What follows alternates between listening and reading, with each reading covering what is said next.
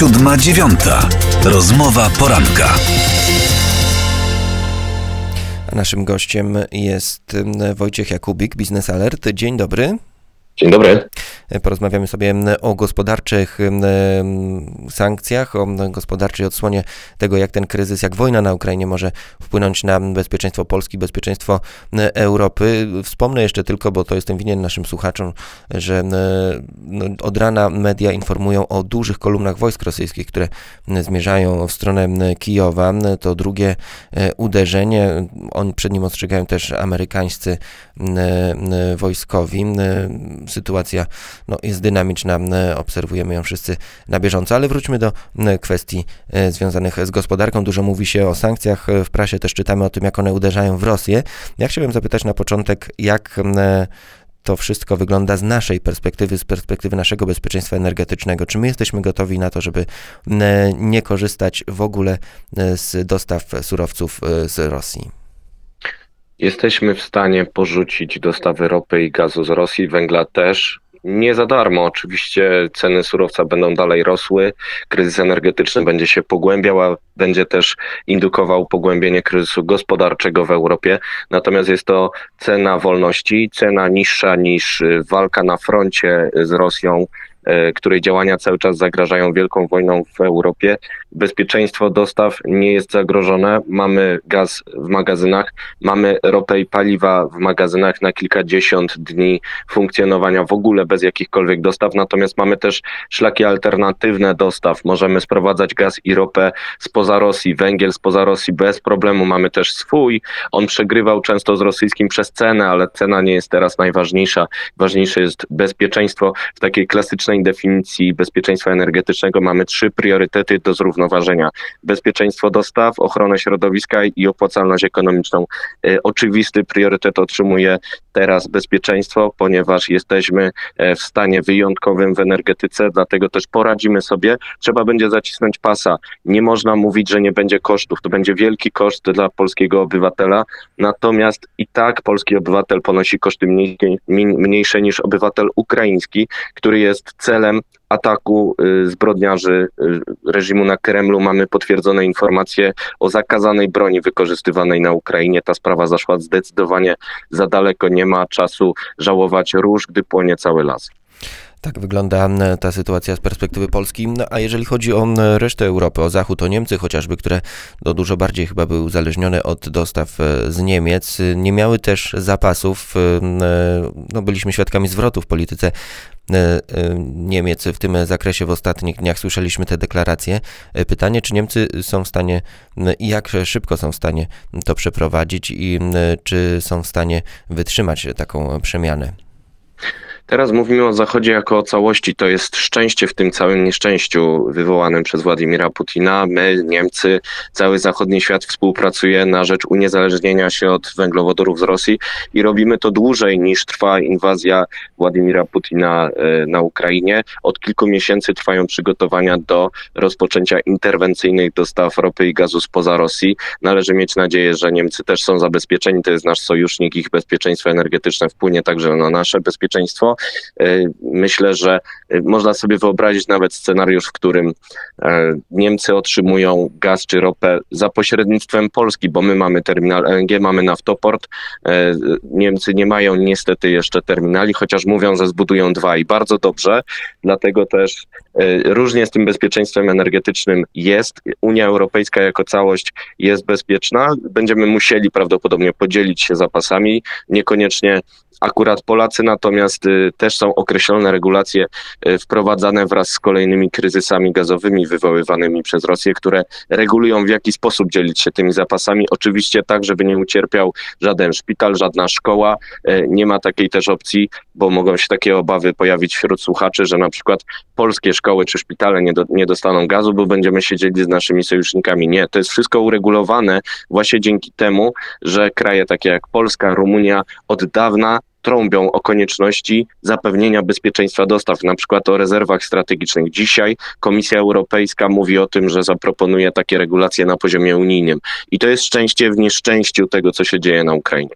Jak wygląda sytuacja teraz, powiedzmy jeszcze na koniec tego wątku, jeżeli właśnie chodzi o te dostawy, o transport? Rozumiem, że surowce w, w tym momencie z Rosji no, nie docierają. Surowce z Rosji cały czas docierają. Nie mamy listy banków objętych e, sankcjami. Nie wiadomo, czy jest na przykład na niej Gazprom Bank. E, widać przepływ gazu z Rosji, ropy z Rosji e, i na razie jeszcze sankcje nie wykluczyły takiej możliwości. Sytuacja zmienia się z godziny na godzinę, więc za chwilę te informacje mogą być nieaktualne, ale nie zostały zatrzymane te dostawy jeszcze. To teraz e, porozmawiajmy chwilę o tym, co dzieje się w Rosji, jeżeli chodzi o sankcje. Słyszeliśmy no, o tym, o wyłączeniu Rosji z systemu SWIFT, wszyscy chyba słyszeliśmy, ale także e, są inne aspekty, inne sposoby, inne, w innych, e, na innych płaszczyznach są sankcje, chociażby czytaliśmy dzisiaj rano o operatorach kart płatniczych. Tak, to znaczy sankcje jako takie mają efekt y, pierwszoplanowy, ponieważ blokują różne transakcje, na przykład właśnie bankowe. Y, SWIFT, blokada SWIFT dotyczy wybranych banków, jeszcze nie wszystkich, dlatego ważne jest, żeby sprawdzić listę tych banków, na której może nie być Gazprom Banku, czyli kasjera Gazpromu. Natomiast mamy też y, drugą falę oddziaływania sankcji, czyli y, rolę dyscyplinującą. Fakt, że firmy zachodnie wycofują się masowo ze współpracy z firmami rosyjskimi, to jest ich strach przed sankcjami. Oczywiście y, opakowany w różne informacje o zatrwożeniu sytuacją na Ukrainie, natomiast trzeba było wycofać się dużo wcześniej. Teraz będą to wielkie koszty także dla firm zachodnich, takich jak Equinor z Norwegii, takich jak Shell e, z Holandii, które teraz porzucają wszelką współpracę z Rosjanami. Niech najlepszym dowodem na to, że sankcje działają, będzie fakt, że szwajcarska spółka Nord Stream 2 AG, która oczywiście należy w 100% do Gazpromu, ale specjalnie została zarejestrowana w Szwajcarii, e, zwolniła wszystkich pracowników. Ta firma już nie ma racji bytu, jest na liście sankcji amerykańskich, nie dostanie ani dolara, nie będzie mogła nawet przelać e, złotówki z użyciem internetu, więc po prostu ta firma będzie zamykana i Władimir Putin zostanie ze swoją rurą sam. Oby na zawsze. Na razie nie ma mowy o jakimkolwiek rozluźnieniu stosunków. Zobaczymy, jak będzie dalej. W jakim wymiarze czasowym te sankcje będą oddziaływać na Rosję i czy one będą, będą oddziaływać e, na kogo? Na, na państwo, na oligarchów czy na, na zwykłych obywateli?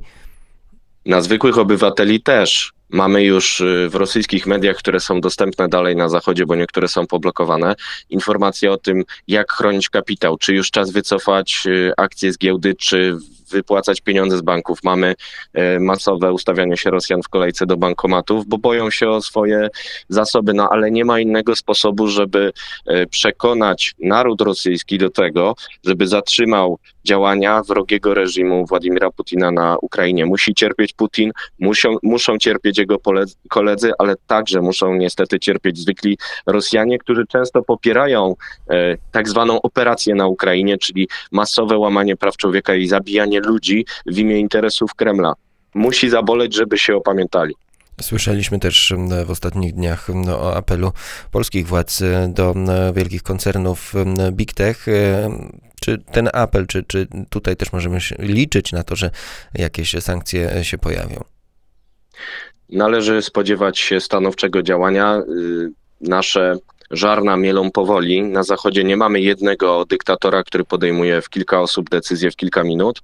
Musimy podyskutować. Tak to u nas jest, ale kiedy już te sankcje spadają, to naprawdę e, bolą. Wydaje się, że to nie będzie koniec e, sankcji, koniec uderzeń w Rosję ze względu na to, że Rosjanie nie zatrzymują się na Ukrainie. Giną ludzie, dochodzi do łamania wszelkich konwencji, jest używana broń taka jak bomba termobaryczna, e, nie wiemy, co dokładnie się dzieje, ale należy wierzyć w to, że prezydent Ukrainy, mówiący o ludobójstwie, wie o czym mówi. Świat dopiero się dowie o tym, co się dzieje naprawdę na Ukrainie, czego do, czego się dopuszczają Rosjanie. Tak samo było w czasie II wojny światowej w Polsce. Polacy wysyłali w świat sygnały o ludobójstwie i dopiero po czasie te informacje docierały do opinii publicznej.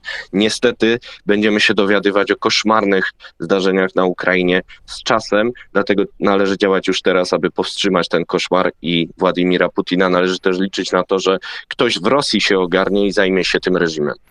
Powiedzieliśmy już sobie o dostawach rosyjskich surowców, o sankcjach na banki, e, także o sankcjach związanych z płatnościami. Jakie, w jakich innych jeszcze polach możemy się spodziewać w przyszłości, w niedalekiej przyszłości sankcji? W jaki sposób można jeszcze uderzyć w reżim Putina? Czy tutaj możemy coś jeszcze powiedzieć?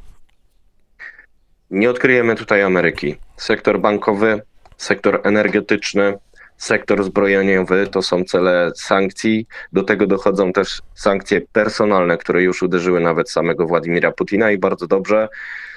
Dalsze działania wykraczające poza sankcje to już jest gorący konflikt zbrojny na skalę europejską czy światową. Tego na pewno wszyscy chcielibyśmy uniknąć, dlatego miejmy nadzieję, że sankcje wobec Rosji przyniosą efekt, przynios, przyniosą efekt. Natomiast fakt, że Rosja w ogóle rozmawia z Ukrainą, teraz pokazuje, że Kreml zaczął się bać.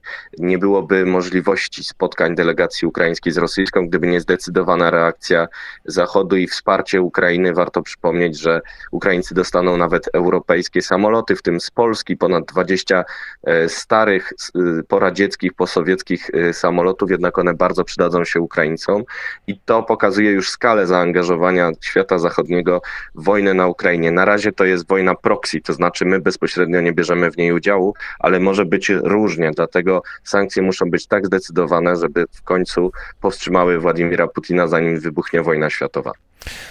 I tego e, się trzymajmy z taką nadzieją e, wszyscy patrzymy na te najbliższe dni, że takie środki nie bezpośrednio wystarczą do tego, żeby ten konflikt rozwiązać. Wojciech Jakubik, Biznes Alert, był gościem poranka 7.9. Bardzo dziękujemy.